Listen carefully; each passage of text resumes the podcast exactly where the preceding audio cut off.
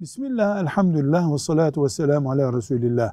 Başta medreselerde okuyan şeriat ilmi talebelerine, imam hatip talebelerine, ilahiyat talebelerine, kardeşlerime cep telefonu üzerinden, sosyal medya iletişimi üzerinden nasıl bir siyaset izlemeleri gerektiğine dair 10 noktada tavsiyem olacak. Birincisi cep telefonu ve sosyal medyayı zaruriyattan görmek yanlış. Nimetlerden bir nimettir. Yani sosyal medyan olmasa eksik olursun diye bir şey yok. Nimettir bu. İstifade edebilen eder. İstifade ederken yanlışa giren bırakar.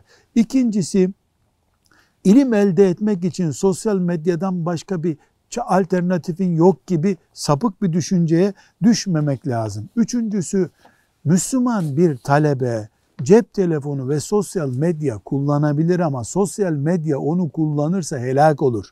İkisi arasında fark var. Dördüncü noktamız da e, Allah'a davette sosyal medya ve cep telefonu farz-ı ayin değildir. Sensin ey ilim talebesi farz-ı ayin olan. Yani sensin Allah'a davet edecek olan sosyal medyada bir mesaj yazarak Allah'a davet fonksiyonunu icra etmiş ve böylece farz ayından kurtulmuş olduğunu zannetme.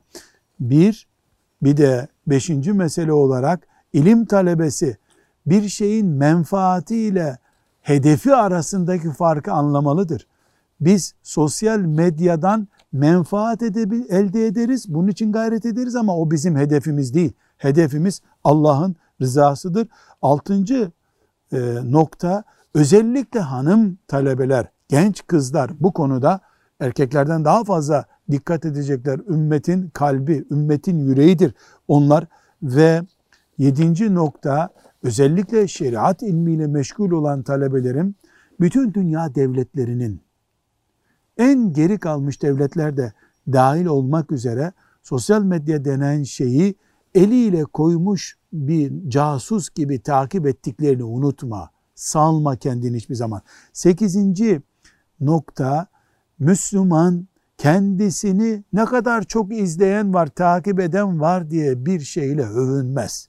Melekler takip ettikten sonra seni üç kişi de takip etse, on bin kişi de takip etse, beş milyon kişi de takip etse, meleklerden daha güçlü mü takipçi?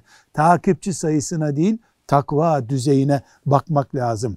Ve dokuzuncu noktamız iki yalancıdan birisi de olma, yalancının yalancısı da olma. Sosyal medya yalancılara şahit toplama merkezi gibi kullanılıyor olabilir. Onuncu noktada bu ümmetin internet şeyhine ihtiyacı yoktur. Bağrından çıkan, gözünden feyiz akıtan şeyhe ihtiyacı vardır. Velhamdülillahi Rabbil Alemin.